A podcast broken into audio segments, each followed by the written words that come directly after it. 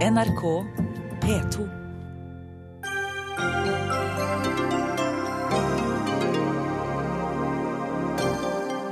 Alarmerende at FNs sikkerhetsråd ikke har kommet fram til et felles standpunkt om Syria, sier utenriksministeren. Espen Barth Eide redegjorde nettopp om Syria for den utvidede utenrikskomiteen, og kommer med Norges vurderinger i Dagsnytt 18. Barnefamilier blir plassert i farlige bygårder med narkomane og kriminelle. Skammelig, sier Barneombudet. Imbrikt Sten Jensen reklamerer for de lykkelige skilsmissene. KrFs Dagrun Eriksen synes ikke det er noe god idé.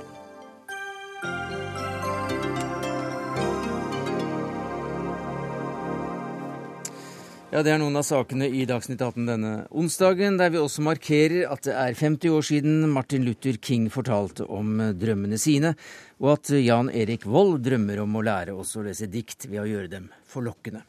Men vi begynner med Syria, og med deg, utenriksminister Espen Barth Eide, så også direkte fra Stortingets utvidede utenrikskomité, der du bl.a. informerte om Norges holdning til en militær intervensjon i Syria. Hva var det viktigste for deg å få fram, vel vitende at ikke du kan sitere det ordrett, for det skal jo da være hemmelig? Ja. Det, det er en veldig alvorlig situasjon i Syria og rundt Syria. Eh, det er eh, veldig mange mennesker som er drept, veldig mange på flukt, veldig mange internt fordrevne. Og mange land i regionen har engasjert seg direkte inn i den konflikten. Og dette er et stort internasjonalt problem for hele verden, ikke bare for eh, Midtøsten. Derfor er det svært alvorlig, faktisk alarmerende, at ikke Sikkerhetsrådet etter så lang tid har klart å snakke seg fram til en felles holdning til hva man skal gjøre med katastrofen i Syria.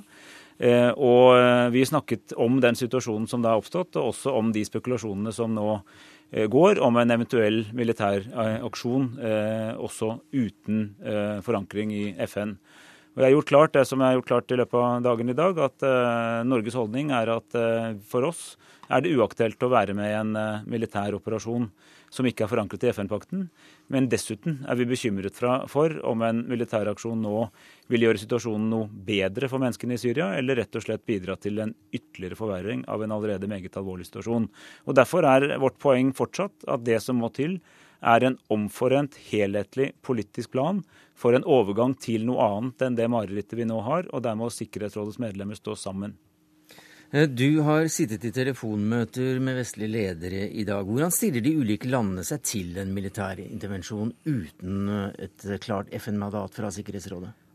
Dette er det ulike meninger om. Eh, det standpunktet vi har, er det mange andre land som har. Og det er også en del land som jo gjør klart at de har et annet syn i forhold til det, og ikke minst da de landene som Eh, selv eh, sier at de drøfter slike, eh, slike, handlinger. Storbritannia og Frankrike og USA skal jo da klart være i gang med å forberede en, slike operasjoner uten et klart FN-mandat. Er det andre land som du ja, vet om i dag? Da vil jeg presisere at det, det, er helt riktig at de er i gang med å forberede militære operasjoner. Eh, men de har jo ikke så langt tatt noen beslutning om at det skal skje uten FN-mandat. Tvert imot er det slik at eh, et av de tre landene, Storbritannia, som jo har fast medlem i Sikkerhetsrådet nå i dag, har lagt fram en resolusjonsforslag til Sikkerhetsrådet. Det støtter vi varmt opp om. Eh, for hvis man ønsker å bruke makt i internasjonal politikk, så bør man søke støtte for det i Sikkerhetsrådet. og det er jo da utfallet av den diskusjonen er fortsatt ikke endelig kjent. Men eh, du har vel selv sagt at uh, resultatet av drøftelsene i Sikkerhetsrådet i dag det vil forbause ganske sterkt hvis ikke favør av en felles resolusjon? Ja, jeg må være ærlig på det at jeg holder det ikke for særlig sannsynlig at de blir enige om den britiske resolusjonen. Nei. Men det jeg ikke vil utelukke, er om dette kan sette i gang en ny dynamikk som f.eks. kunne lokke Russland ut av den posisjonen Russland nå har vært i altfor lenge, eh, slik at de i større grad vil være med på å diskutere en helhetlig politisk plan for hva verdenssamfunnet skal gjøre med Syria. I så fall så kunne det komme noe godt ut av den situasjonen. Hvis ikke frykter jeg at vi nå er på, på randen av en eh, ytterligere forverring av noe som allerede er veldig alvorlig. Uh, utvikling går raskt fra dag til dag, sa lederen for utenrikskomiteen etter etter, eh, møtet du hadde med dem. Hva er det som går så raskt? Hva er det som går så raskt at du har avlyst alle valgmøter i dag, og det samme har da lederen for utenrikskomiteen? Det er viktig når store internasjonale spørsmål står på dagsordenen både i vårt land og mange andre land, at vi prøver å Eh, at både vi som regjering informerer eh, Stortinget, altså både opposisjonspartier og egne partier, om, eh, om, hva vi vet og hva våre vurderinger er. og Det er også da en anledning til å eh, drøfte eh, ulike partiers syn på dette. Og Det er veldig gledelig for meg å kunne si at det er svært bred enighet i norsk mm. politikk om de posisjonene jeg nå nettopp redegjorde for. Jeg tror at uh, i en uh, dramatisk situasjon som den verden er oppe i nå, så står et, uh, et, land som Norge står seg godt på å prøve å ha bredest mulig enighet om utenrikspolitikken. Det... det... har vært litt uenigheter de siste dagene på vei til dette. Nå føler jeg at dette ligger ganske klart og tydelig. Så får de andre partiene snakke for seg. Men det sa jo også da lederen av utenrikskomiteen, Inn Marie Eriksen Søreide, nettopp i vandrehallen. Så det er ikke en opptrapping som nå går så raskt? Jo, så du har jo, du har jo også det bakteppet at vi, vi, for det første har vi for kort tid siden sett en meget alvorlig hendelse utenfor Damaskus, der mange mennesker er både døde og såret av noe som eh, etter alt å dømme kjemiske stridsmidler.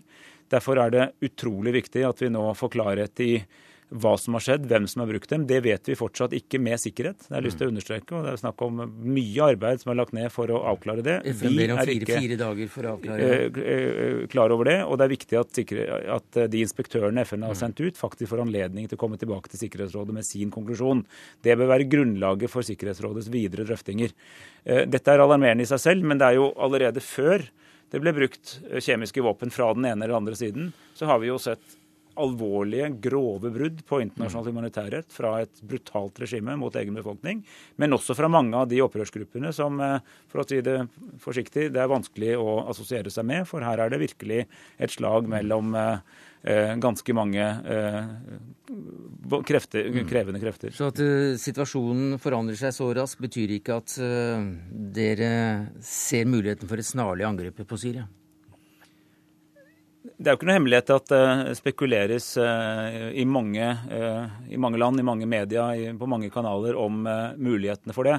Men det er ikke slik at men det er jo ikke slik at vi sitter inne med kunnskap om at på et mm. bestemt tidspunkt så vil det angrepet finne sted, eller at det vil finne sted, eller at det faktisk vil finne sted på tross av manglende mm. forankring i Sikkerhetsrådet. Har Norge fått et, eh, et, en forespørsel om å, om å, bidra i en eventuell slik uh, aksjon? Nei, Norge har ikke fått noen forespørsel om å bidra i en slik aksjon. Vi har heller ikke deltatt i overveininger mellom de, den lille knippa land som da sier at de ønsker å vurdere dette, og jeg ser heller ingen tegn på at vi kommer til å få en slik uh, forespørsel. Ikke et signal heller? Vi blir jo informert av nærstående land om eh, noe av det arbeidet de gjør. Det har de bl.a. gjort i dag i, i, i Nato-rådet. Men jeg vil sterkt understreke at det er ingen i Nato som mener at dette er noe som hører hjemme i Nato. Som. Eh, det er ikke noe her som f.eks. i Libya at eh, man snakker om at kanskje Nato skal utføre en jobb på vegne av Sikkerhetsrådet. fordi i Nato er det jo veldig mange land som i likhet med oss bare er villige til å bruke makt dersom mm. FNs sikkerhetsråd interesserer det. Nå er Tyrkia et naboland da, til Syria som også kan utløse en eh, et rop om hjelp. Og, og, det er et viktig poeng. fordi dersom Syria skulle gå til det skrittet å angripe Tyrkia, eh, så vil altså en av mm. våre allierte være angrepet. Da er vi over i en ny situasjon hvor vi da ville være mm. forpliktet av eh, selvforsvarspakten som mm. ligger i Nato. Men det har ikke skjedd, og derfor er vi ikke der nå. Men som du selv sier, så er det altså høyst lite sannsynlig at Russland og Kina som, eh, som vetoland vil akseptere en resolusjon som foreslås i dag. Hva skal da til før Norge vil revurdere situasjonen? altså ikke trenge et, eh, et, mandat fra Sikkerhetsrådet for å kunne bidra i en aksjon. Hvis USA, la oss si EU, Arabiske liga, også Nato, hvis uh, disse instansene går inn for et, uh, for et angrep, kan Norge da stå utenfor? For det første er det en problemstilling, ja, det er en høyst hypotetisk problemstilling. Jeg kan ikke tenke meg at det skulle bli noen uh, enstemmighet i Nato uh, nå, etter alle de rundene vi har hatt og de bitre erfaringer som er gjort fra både operasjoner med og uten FN-mandat, at man da plutselig skulle være for å bruke alliansen i en slik setting. Det var et viktig premiss uh, så sent som i 2011, da vi var aktivt med i Libya, at det var noe Nato gjorde på et uttalt oppdrag fra FNs sikkerhetsråd, mm. klart forankret i kapittel 5. Eh, men så mener jeg at her er, jo, her er, vi i en situasjon hvor det ikke er noen åpenbart perfekte handlingsalternativer. Det er vanskelige valg. Jeg har respekt mm. for at det er ulike syn. Men av og til er det sånn at når verden er vanskelig, så bør man gjøre det som er riktig. Og jeg mener at, at, det er to ting som er riktig her. Det ene er å forholde seg til de grunnleggende kjørereglene i internasjonal politikk. Det er en god investering i internasjonal fred i det lange løp. Og det andre er og hvis man bruker militærmakt, som jeg mange ganger har vært med på å gjøre, så skal man alltid vurdere hva vil følgekonsekvensene være. Er man beredt på dem, og vil man gjøre situasjonen bedre eller verre? Jeg er rett og slett ikke overbevist om at situasjonen i Syria blir noe særlig bedre av at man nå angriper en del eh, anlegg i, eh, i, Syria uten å da ta skrittet fullt ut. Jan Egeland, generalsekretær i Flyktninghjelpen, tidligere visegeneralsekretær eh, i FN. Hvor lenge kan man se på at mennesker drepes da antagelig med, med gift som, som, som, våpen på den andre siden av grensen, så å si, uten at verdenssamfunnet går inn militært? Man kan ikke vente lenger uten å gjøre noen ting som helst. Eh, militært?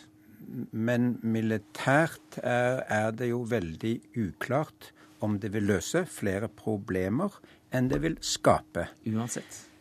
Nei, ikke uansett. Ikke uansett. Altså, det er jo en forpliktelse til å beskytte eh, innbakt i FN. Eh, så Sikkerhetsrådet burde jo hatt en, en masse massive straffetiltak mot alle krigsforbryterne på begge sider for lengst. Men det kommer ikke. Eh, ja, det, man skal jo aldri gi opp dette. Jeg tror det vil i alle fall ikke komme fra Sikkerhetsrådet hvis det kommer et, man, hvis det kommer et angrep fra noen av Sikkerhetsrådets makter som de andre sikkerhetsrådsmakter er mot.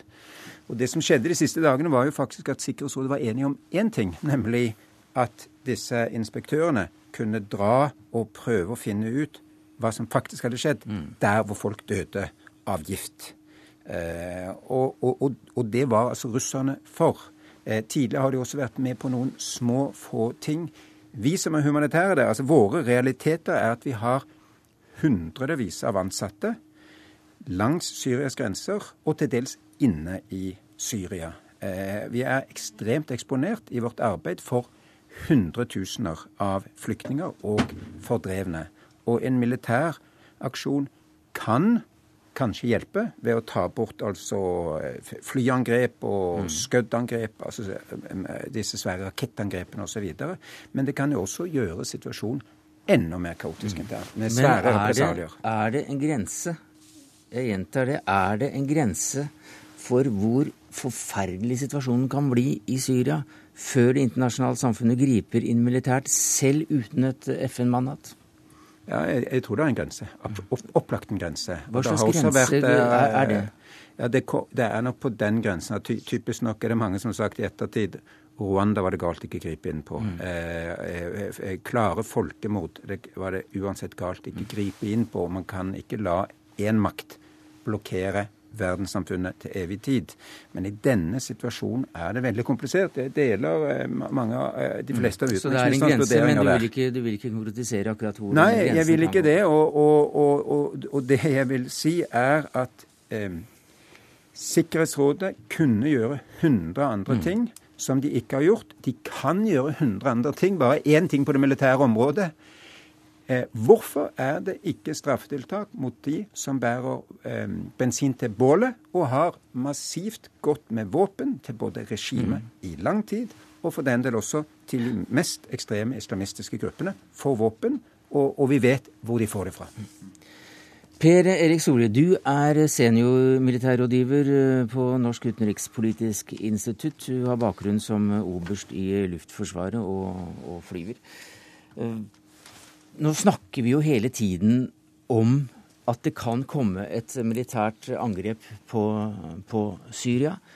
Um, om det er hypotetisk eller ikke, la vi ligge her nå. Men hvis det kommer, hva slags angrep kan det høyst trolig bli? Ja, det blir et angrep som inkluderer alle elementer uten noen soldater på bakken. Altså Det ville komme et angrep eh, fra lufta, altså med kryssemissiler, bombefly. Eh, det vil også kanskje komme angrep mot eh, datasystemene til regimet, altså det vi kaller for cyberkrig, eh, som også vil forekomme. Men, og det vil kanskje også bli brukt droner altså fra lufta mot det utvalgte mål. Hva slags eh, hjelp kunne slike angrep være for å hindre eh, regimet eller opprørerne å, å utrydde hverandre? med kjemiske våpen, f.eks.? Det er det veldig vanskelig å si noe som helst om. Altså et, eh, en, veldig, en veldig lærdom, klar lærdom for historien er det at eh, skal du jobbe effektivt militært, så er luftangrep alene sjelden effektivt. Det er vanligvis et samspill mellom bakkestyrker og eh, luftstyrker som er militært effektivt. Og for det andre så er det veldig viktig å ha et klart bakteppe, en klar strategi og en politisk løsning man alle jobber mot. Og det finnes ikke de, de forutsetningene til på plass denne gangen. er sånn. Slik at eh, symbolsk bruk av militærmakt er eh, på mange måter en veldig en risikosport. Altså hvor uforutsigbarhet er et framtredende element. Ja, Vil ikke det tvert imot være ganske gunstig da, å skremme de som bruker det til å la være? Eh, jeg tror det er lista for å skremme det nåværende regimet ut fra hva de opplevde med den borgerkrigen som har vært i nåværende år, så tror jeg de har evnen til å absorbere ganske mange tiltak og angrep fra det vestlige militærvesenet uten at de egentlig rokker ved deres posisjon. Eh, og eh, dette er jo et annonsert eh, oppskalering, og de har god tid til å forberede seg til mottiltak ved å spre viktige mål. F.eks. samle sivilbefolkning rundt enkelte utvalgte mål for å forhindre at Vesten angreper. Og det er en De vil sikkert prøve å legge alle mulige hindre til, i veien da, for en vestlig innsats mot mm. regimet. Kristian Berg Harpviken, direktør ved Institutt for fredsforskning, eh, prøvde her å, å få Egeland til å si noe om hvor denne grensen går for når det bare ikke går an å sitte og se på at, eh, at lidelsene øker og øker og øker på den andre siden av grensen, selv da med et FN som ikke kommer med et, eh, et mandat. Hva sier du til en slik grense? Nei, Jeg har ikke noe behov for å trekke opp den grensa, men det er klart at det er uh, i uh, øynene til mange ledende aktører i verdenssamfunnet, ikke minst USA, den grensa Assad-regimet nå antagelig har uh, krysset. og Det er jo derfor vi har den diskusjonen vi har. Men det som er fortvila med den situasjonen, er jo at selv om den grensa er kryssa, så har man altså ingen gode militære virkemidler å foreslå. Det er jo, som eh, Soli sier her, snakk om å gå til et militært angrep av symbolske årsaker. Altså, Vanligvis så truer man jo med å bruke militærmakt. Men her snakker man altså om å bruke militærmakt for å true. Eh, det blir på mange måter å, å, å stokke faktorenes orden, og funksjonaliteten i det er veldig vanskelig å si. Så man kan ikke diskutere dette bare isolert sett ut fra trusselen mot sivilbefolkningen. Hvis det militærangrepet man snakker om, kanskje gjør situasjonen for sivilbefolkningen verre enn det ville gjort å la det være, så har man altså da bør man mm. kanskje la være. Men det er vel folk som har studert uh, hvordan uh, slike militære intervensjoner har uh, har vært når det gjelder effektivitet, eh, også for sivilbefolkningen. Og, og, hva viser en sånn liste? Har det vært eh, noen suksesshistorier i det hele tatt? Ja, det er jo alltid strid om det, men det er mange vil jo si at intervensjonene både i Kosovo og Bosnia var eh, relativt vellykka. I begge de situasjonene så hadde man altså en klar politisk strategi. Man hadde man hadde samarbeidspartnere på bakken. altså Det var, som, som Solli er inne på her, en del av en helhetlig Eh, militær strategi. Man hadde en vilje til å stå i det langsiktig. Riktignok var eh, den internasjonale innsatsen, i hvert fall av Kosovo, bare i lufta. Men det betyr ikke at helheten i den militære innsatsen var bare i lufta. Eh, jeg har vanskelig for å se tilbake på en type intervensjon av den vi Eh, som planlegges i Syria nå, som ikke bare er begrensa til luftangrep, men også er begrensa i tid til å være en meget kortvarig intervensjon, og der målsettingen ikke er noe annet enn å statuere et eksempel, for så å trekke seg ut. Mm. Eh, Muligens vil ambisjonen endre seg underveis, sånn vi så i Libya eh, for et par år tilbake.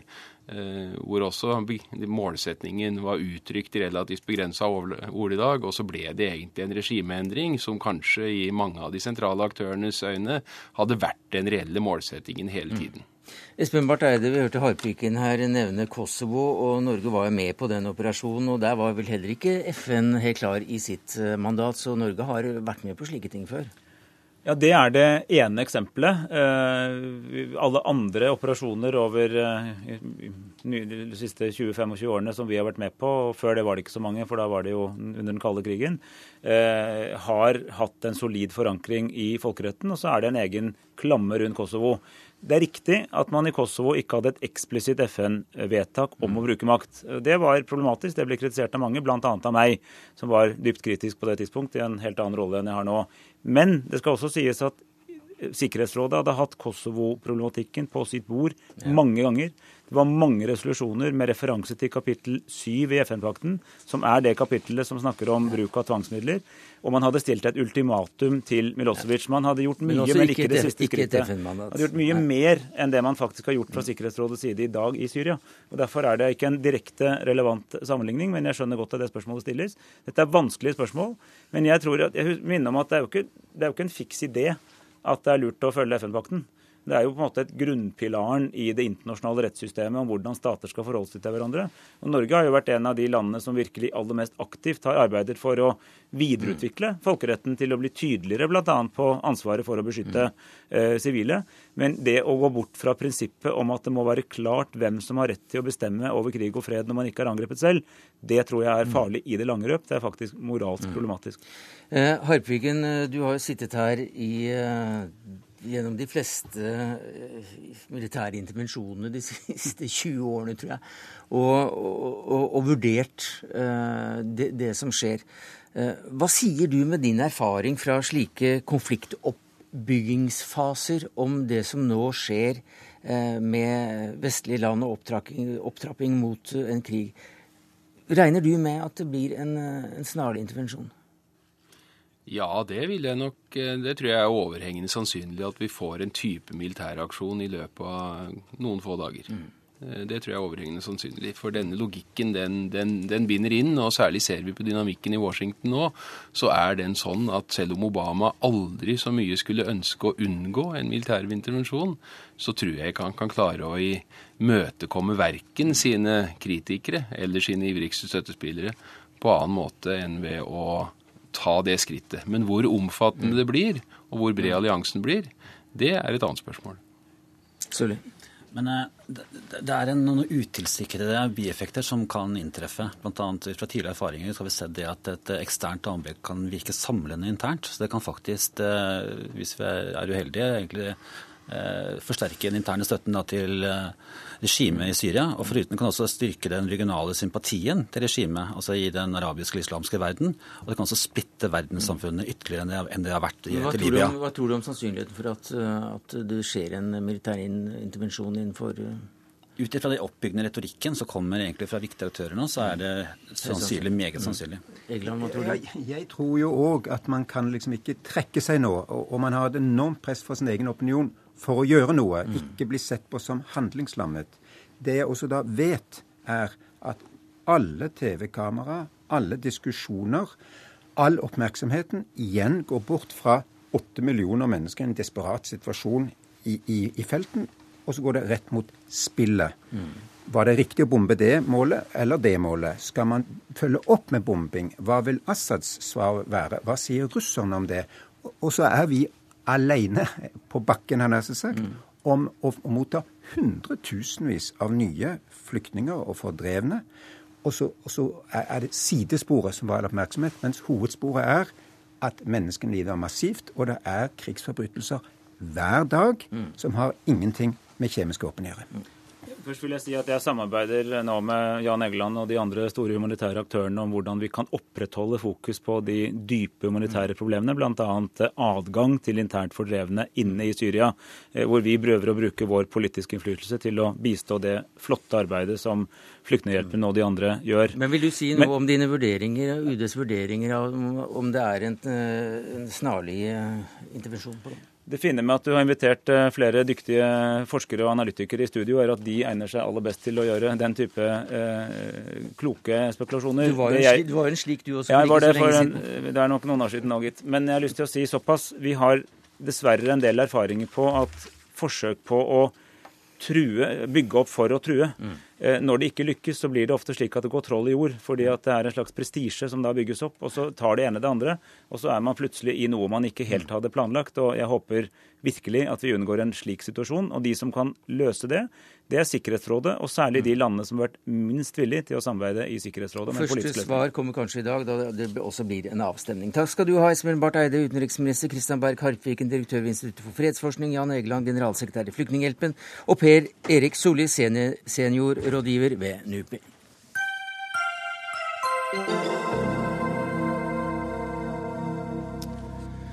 20 000 barn bor i kommunale bygårder, mange steder med psykisk syke, kriminelle og narkomane som, som naboer. I NRKs radiodokumentar 'Oppgang 13' hører vi hvordan ni år gamle Selma må leve i frykt for naboene, som bruker våpen, selger narkotika og tar overdoser. Hun tør ikke leke i bakgården. Jeg og søstera mi lekte her. Da var det en mann Etter vi skulle være, gå hjem, så var det at han kom en sånn kniv og sto der, og så snakka han til oss med at um, han sier at han skulle drepe oss, og så gikk han bare med en gang. Ja, Anne Beate Tvinnerheim, du er statssekretær i Kommunal- og regionaldepartementet. Hva sier du til at uh, unger uh, plasseres steder uh, ved kommunal hjelp for å oppleve slike ting?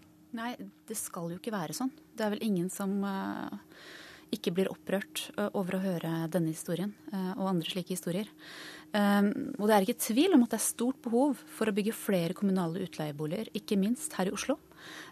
Og enda viktigere er det at de kommunale utleieboligene plasseres i nabolag og spres utover, sånn at barna får de opp, det oppvekstmiljøet som de har et selv, selvfølgelig krav på. Barneombud Anne Lindboe, hva sier du til, du til det vi hører? Jo, jeg er jo helt eh, enig i det, men litt av problemet her er at dette er jo en sak som vi har kjent til i mange år. Altså Dette har jo vært på en måte på den politiske agendaen i hvert fall 10-15 eh, år.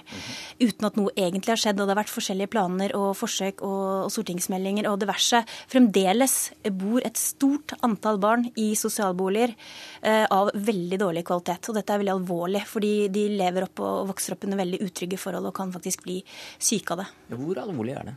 Det er klart at det er veldig alvorlig. Dette er jo barn som er fattige i utgangspunktet, og har det veldig vanskelig eh, og har nok på en måte utfordringer.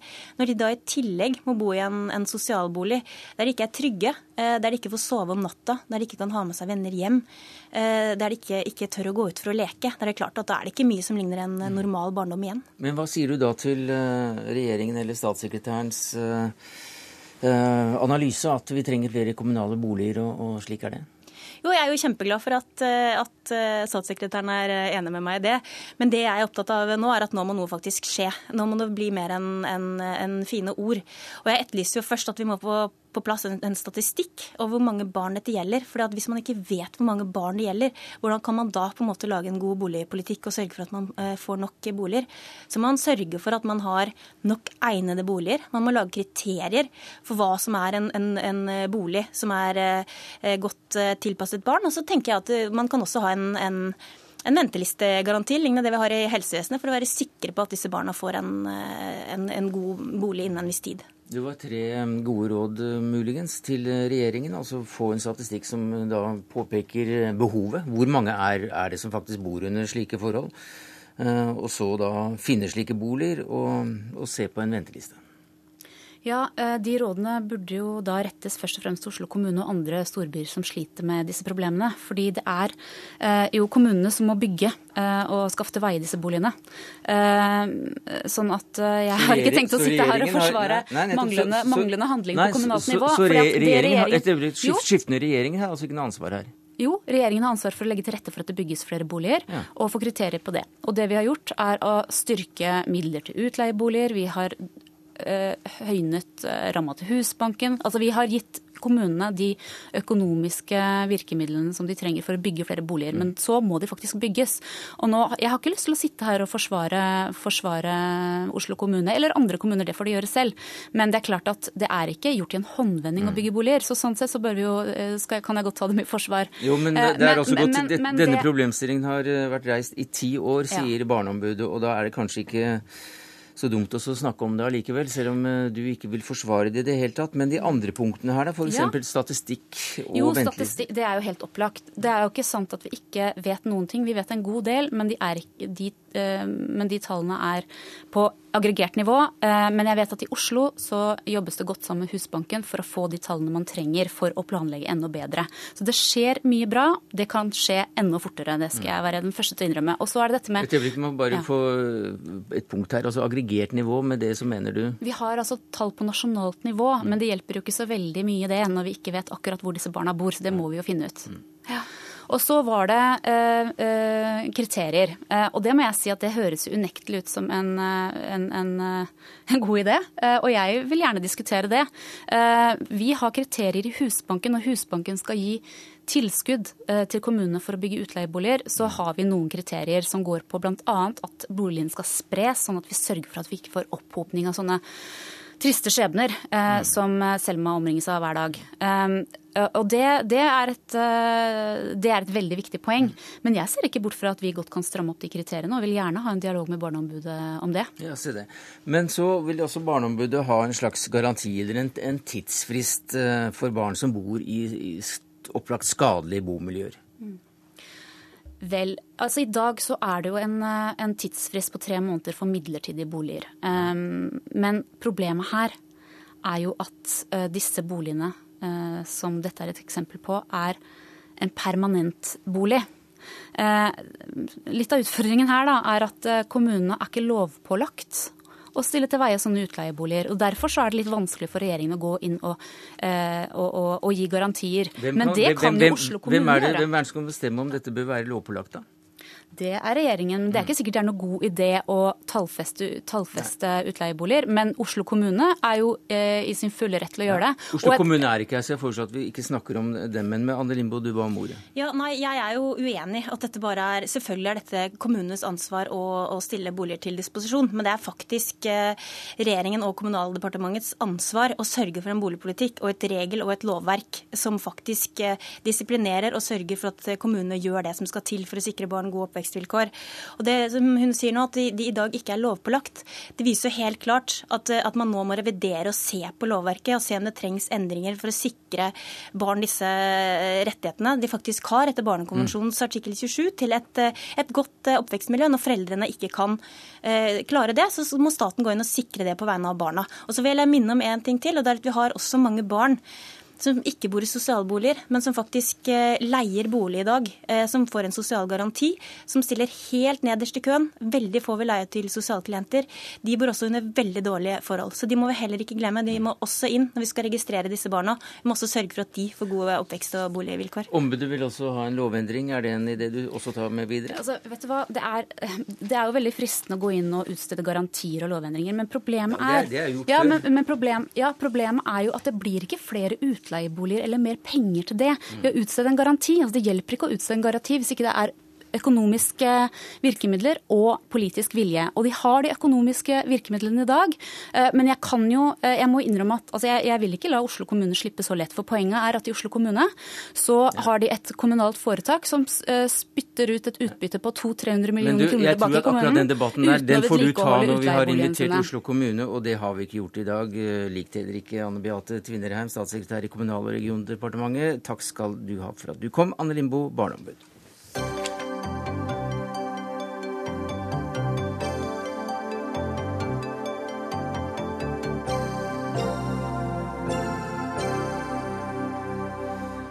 Ingebrigt Sten Jensen har vært på ferie med mine og dine barn, som han nylig skrev i Vårt Land. Og det er da kjernefamilier uten skilsmisser som ikke vet hva de går glipp av. For så hyggelig var det, Ingebrigt Sten Jensen, tekstforfatter, eh, reklamemann pluss mye annet, men her da som far. Hva mente du med det? Ja, det var selvopplevd, først og fremst. Mm. Eh, jeg har vært gjennom to samlivsbrudd. Hun, kjæresten min som jeg lever med nå, har vært gjennom samlivsbrudd. Og vi reiste med mine og dine barn, og ikke minst med dine og mine barns kjærester, og med dine eh, søsken og onkler og tanter og bestemødre. Og det var altså eh, så fantastisk å være en sånn stor familie ja. med så mange mennesker samlet med med, ikke nødvendigvis blodsbånd, men med andre bånd, som, som, gjorde at uh, jeg tenkte at uh, uh, de som ikke er skilt, de vet ikke hva de går glipp av. Eh, og, og, og, det var jo bestemorfang overalt, ikke sant. Ja. Og alltid noen som skulle bade, og alltid noen som lagde frokost. Og det var, helt, det var en helt fantastisk opplevelse. Og Du skriver da at eh, noen vel vil kalle sånne skilsmissefamilier som, eh, som dere da for oppløste familier, mens du kaller det? Opphøyde familier. Ja. Opphøyde i annen potens. Dette er jo alt ganger to og mer. For jeg fant jo ut at i, i familien til meg og Trude, da, er det nå tolv par besteforeldre. Og tenk på de som bare har ett. Det er, det er altså bestemorfang over hele Norge og til og med langt borte i Texas. Så det, så det har en, det har en vidunderlig verdi. Dagrun Eriksen, stortingsrepresentant for Kristelig Folkeparti. De som holder fast ved partneren, vet ikke hva de går glipp av. Nei.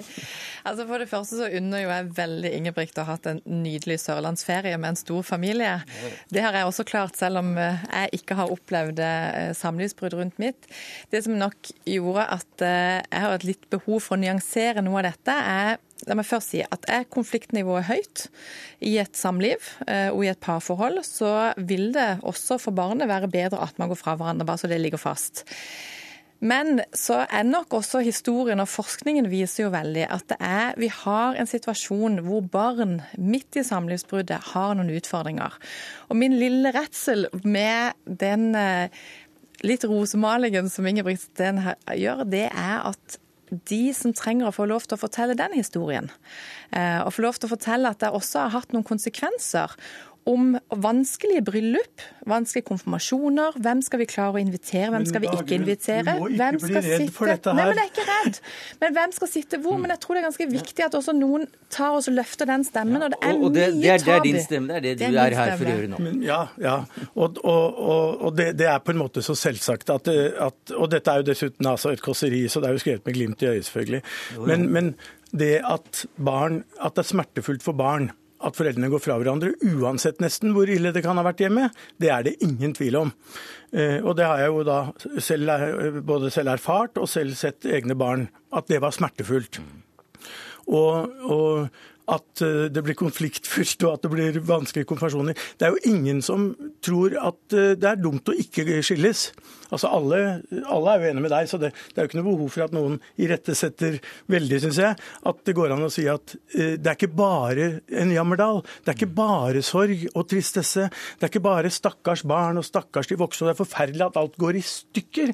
For det kan hende at noe går i stykker, men det kan hende at noe annet kan bli bygd.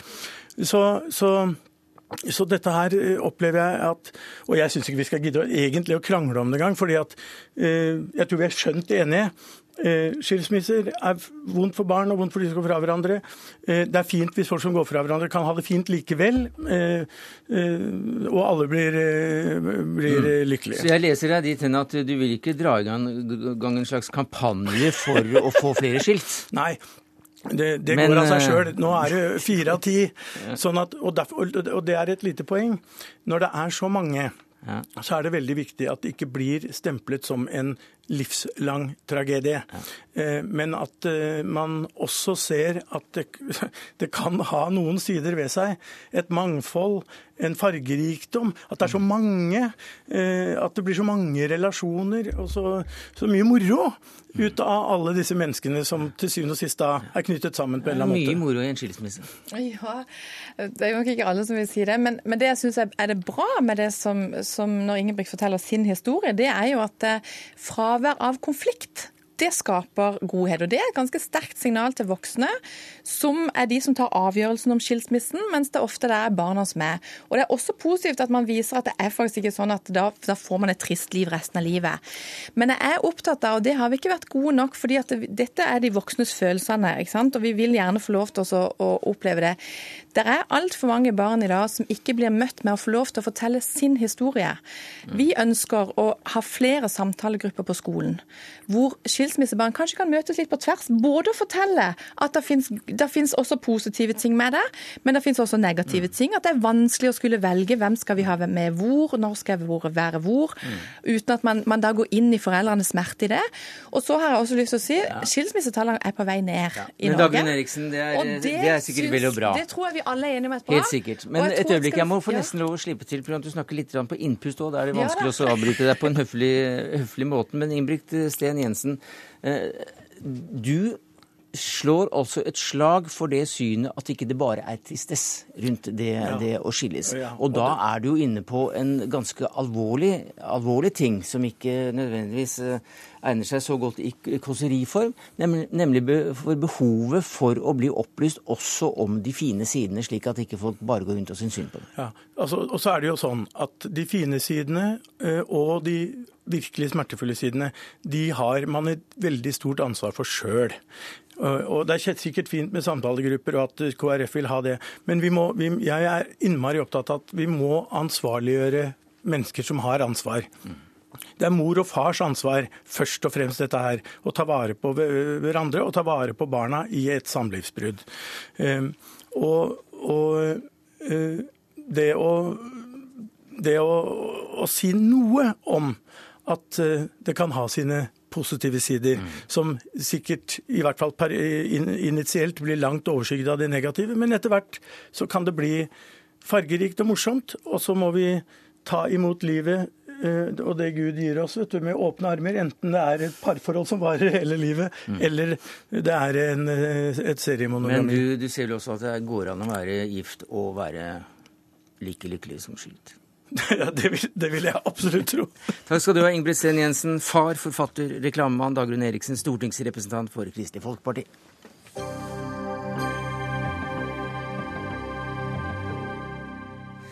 Den 28. august 1963 eh, ledet Martin Luther King et demonstrasjonstog i Washington DC med 250 000 deltakere, før han uttalte de sterke ordene I have a dream.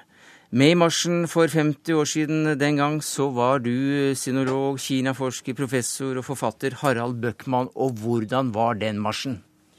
Det var en skjellsettende opplevelse. En mektig opplevelse for en 17 eh, år gammel gutt. 17 år. Hvorfor marsjerte dere? Ja, altså jeg marsjerte fordi presten i vår lokale kirke Jeg var AFS-stipendiat, så jeg gikk, eh, bodde i Pennsylvania, ikke så mange, et par-tre biltimer fra Washington. Han kom i dag og uh, spurte om jeg ville være med på marsjen mot Washington. Fordi det var et betydelig kirkelig innslag i denne borgerrettighetsbevegelsen. Uh, og jeg sa ja, så klart. For jeg hadde jo hørt om den. Og, Hvordan var stemningen under marsjen? Den var Ja, hva skal vi si? Den, den var, den var ikke aggressiv. Den var liksom sånn Nok er nok. Altså, den var besluttsom.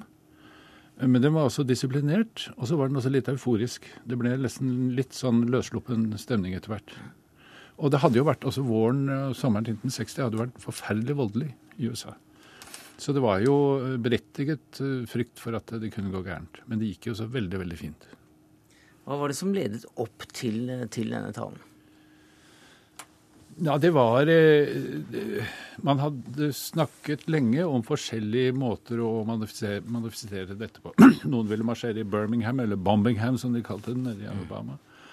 Eh, men det var jo en tradisjon for å gå marsjere i Washington, også rundt i gatene der. Uh, Suffragettene f.eks. marsjerte der i 1917. Ja. Så uh, dette vokste, og du hadde da særlig en par geniale organisatorer, en som heter Philip Randolph og en som heter Baird Rustin, som var uh, limet i dette. Men her gikk da også for første gang alle de store, seks store amerikanske borgerrettsorganisasjonene sammen, sammen med bilarbeiderne.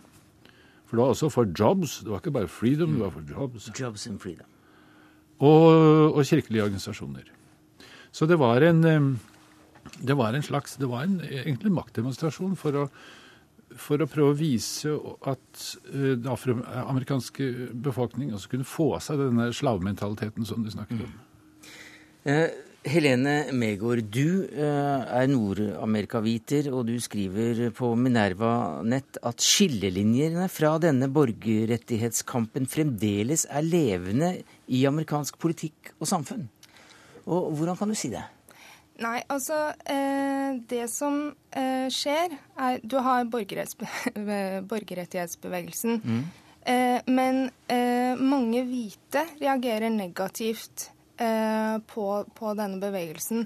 Og det danner seg en hvit motbevegelse som eh, blir satt i system av bl.a. Alabamas guvernør George Wallace, som stiller som presidentkandidat tre ganger. Mm. Eh, og Wallace er egentlig ganske populær.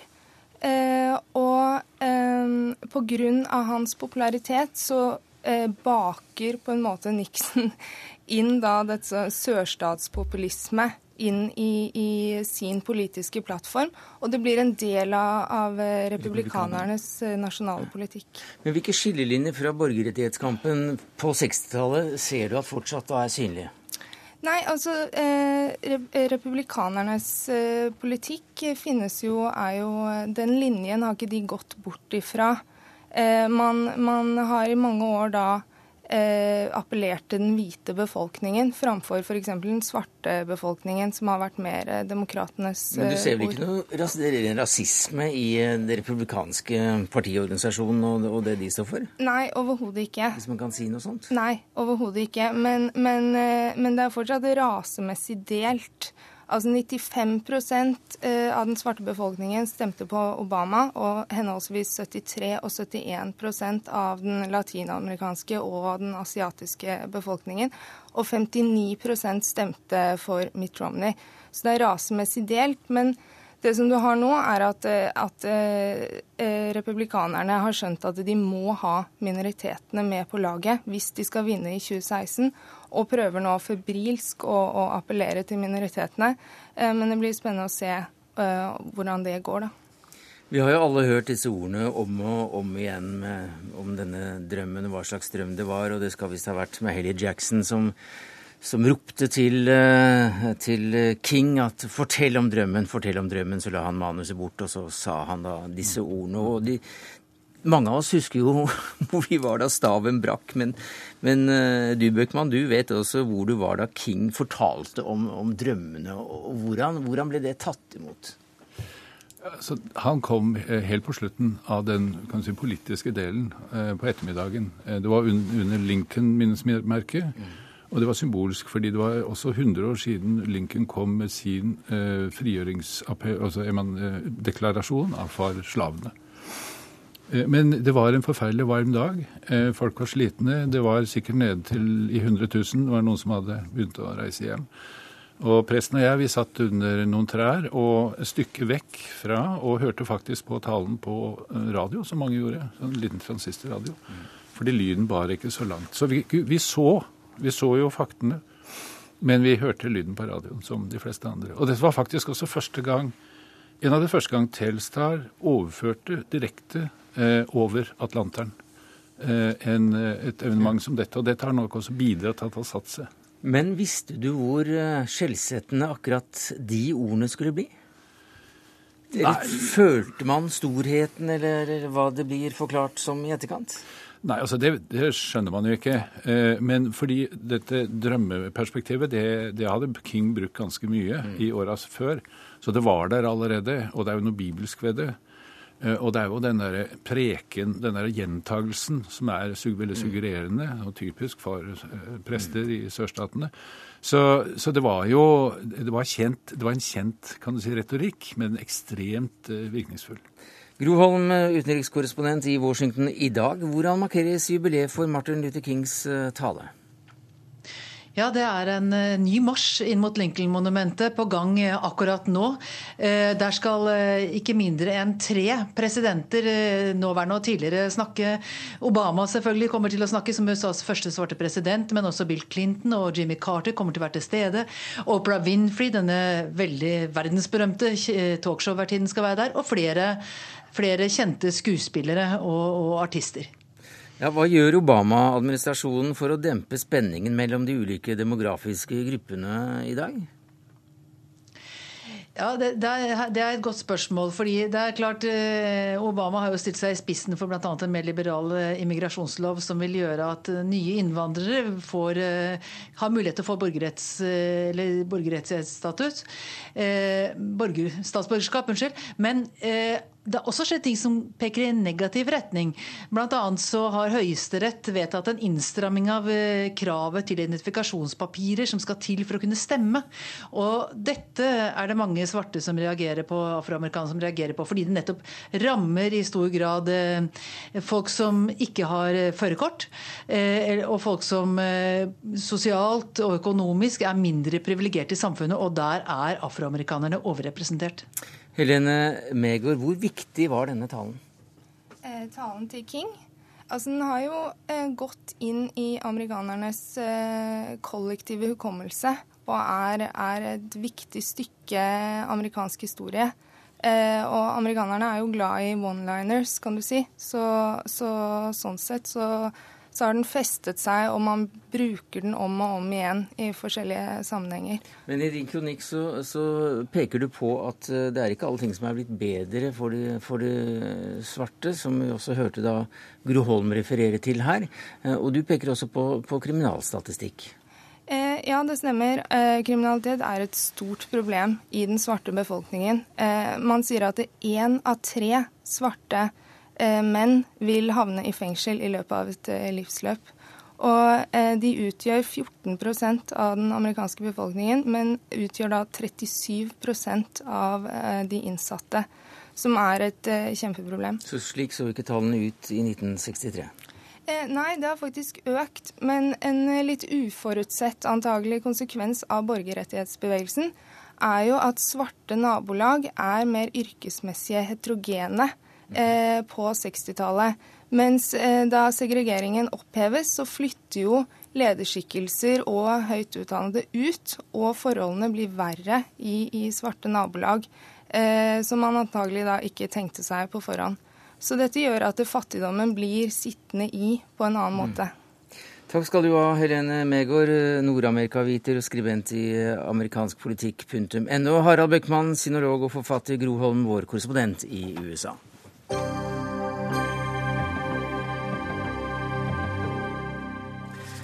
Ja, Jan Erik Vold, du bodde jo selv i perioder i USA. Fikk du med deg denne marsjen i 1963?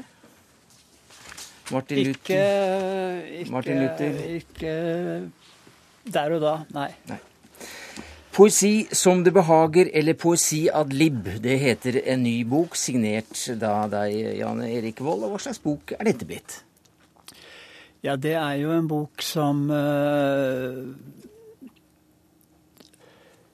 trekker fram eh, norske dikt mm. fra eh, Wergeland og utover i eh, et mindre antall større essays og et stort antall kortere presentasjoner der jeg siterer hele diktet, og så prater jeg litt om diktet og dikteren og hvordan diktet er blitt til, og hva vi kan få ut av det. Og jeg sier det er både en bruksanvisning og en oppmuntring til ja. norsk poesi. Altså er, du, du, sier at det er en slags lærebok i hvordan like å lese eh, lyrikk? Ja, det er i hvert fall slik jeg leser og liker dikt.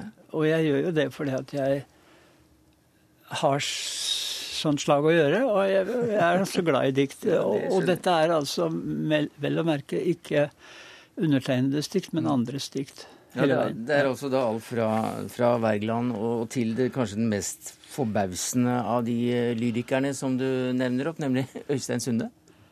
Ja, forbausende. Han er jo kjempekjent og kjempekjær, og mange vet jo om han. Men det er jo det at han ikke figurerer i norske poesioversikter. Men det er jo bare fordi at poesioversiktene ikke er oppdaterte. De tar øh, veldig lett på det som heter visediktning, og visediktning er også part av den litterære diktningen. Selvfølgelig. Fra Salomos sanger til øh, Bellman i Sverige og til Prøysen i Norge. Ikke fått den plass de fortjener? De er ennå på vent, ja. ja hvorfor det? Fordi at de tror at det skal være skrift, at det bare er det vi ser med leseøynene våre som teller. Men det er jo også det vi hører med ørene våre som kan være poesi. Ja, For du, øh, du sier at du vil alminneliggjøre dikt. Ja, jeg vil ikke gjøre de noe som man skal føle seg knust av å lese, eller komme tilbake til tidlige opplevelser i klasserom og andre steder hvor man skal lære seg dette utenat, eller hvor man skal anstrenge seg for å finne ut hva dikteren mente, og så er det så krøkkete skrevet, og mange, for mange glipper de jo etter skoledagene. Mm. De syns dette her er for innflakt. Men hvis du tar da eh, enkle sanger av, la oss nå si Øystein Sunde, så er vi jo med med en gang hans uh, jaktviser og, og smi mens uh, Jernet er varmt. Smi, smi, smi mens jernet er varmt. Ja. ja og, like er varmt. Ja, like ja, ja, smi mens like er varmt. Og uh, kjekt å ha. Og, og da må du bare du skal reparere en bryter på badet, og så må du skifte hele fajansen og alt det der. Ja, nei, han, han tar hverdags tema, og så alminneliggjør han det på en måte som vi alle kan føle, kjenne oss igjen på, og så sitter vi igjen med en bitte liten opplevelse. Ja. ja.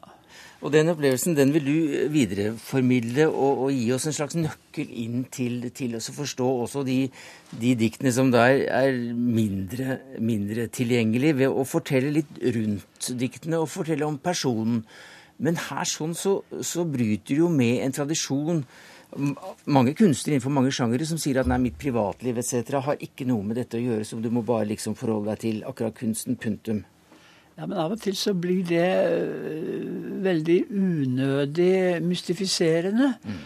Et veldig øh, enkelt eksempel som mange kan følge med på nå, er jo Gunvor Hofmos poesi. Vi visste veldig lite om Gunvor Hofmo som person. Vi visste at hun hadde vært syk og på, på mentalsykehus og slike ting. Når vi nå vet at hun levde et relativt vanlig liv, hun også hadde venner og hadde slekt og slike ting, så, så blir det alminneliggjort. og da er vi der. Visse ting må vi vite, andre ting uh, gir seg sjøl. Så enkle dikt krever uh, en boksåpner, andre kan vi bare nyte sangen og melodien. Ja, for det er da noen dikt som også da ikke er riktig så lett å få, å få grep på. Altså, du refererer Hofmo og denne strofen. Jeg jeg, jeg.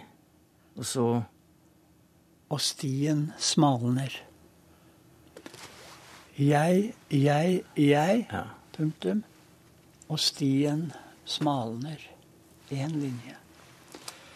Og det jeg diskuterer i den sammenheng, er det uh, Skal vi ha teorier omkring allting, og at teoriene skal avgjøre om dette er bra poesi? Fins det en teori som kan rettferdiggjøre at det der er poesi? Den teorien kjenner jeg ikke. Men vår fantasi kan rettferdiggjøre det. Jeg, jeg, jeg. Ja, det blir en sti, ikke sant? for det går i samme leia. Mm. Og så fortsetter setningen uten at det kommer en linje til. Og stien, ja, det er de ordene, smalner. Hva betyr det? Vanskelig å gå den stien. Er man for jeg-opptatt? Da kan fantasien komme i gang. Men det er noe med det. Og der er vi. Og da må vi som opplever dette som poesi, vi må si det er poesi. Så får andre komme i neste omgang og lage teorier som viser at det går inn i det og det systemet. De enkelte ordene, de enkelte diktene, er viktigere enn systemet. Mm. For du refererer eh, til Ezra eh, Pound tidlig i boka. It's tremendously important that great poetry be written. It makes no jot of difference who writes it. Ja, altså, det betyr også at uh, Det betyr at diktene skal være der, og de skal skrives. Og det han ikke sier, men som jeg sier, da, de skal også leses. Ja. Og, og da Blås med hvem som har skrevet det. Ja, det er klart det er ikke uinteressant det heller. Men uh, ta gamle bluestekster. Ja. Da bryr du seg ofte ikke hvem skrev det, da. Mm. Så, så vi, eh, vi, vi har noen ord og noen linjer inni oss fra salmesang og fra 17. mai-dager og fra uh, vandringen rundt juletreet. Og de sitter i oss. Og de mm. ordene skal vi elske. Også derfra kan vi gå i alle retninger. Det er da altså en slags alternativ til uh, den uh, meget omtalte maratonprosaen. Maratonprosaen, nettopp. Maraton ja. Så Øystein Sunde, hvis Glomma var av whisky ja. Hvis jeg var i Bergen, så veit jeg hvor jeg ville gå. Ja. Mm. Og var jeg ikke hjemme, så skulle det nok bli ei råd. Allikevel. Takk for at du kom i studio i Dagsnytt 18, Jan Erik Vold, altså nå ute med denne boka 'Poesi ad lib'. Det var det vi rakk i denne sendinga. Ansvarlig for det hele var Dag Dørum. Det tekniske ansvaret hadde Mari Janne Myrhål. Jeg heter Sverre Tom Radøy.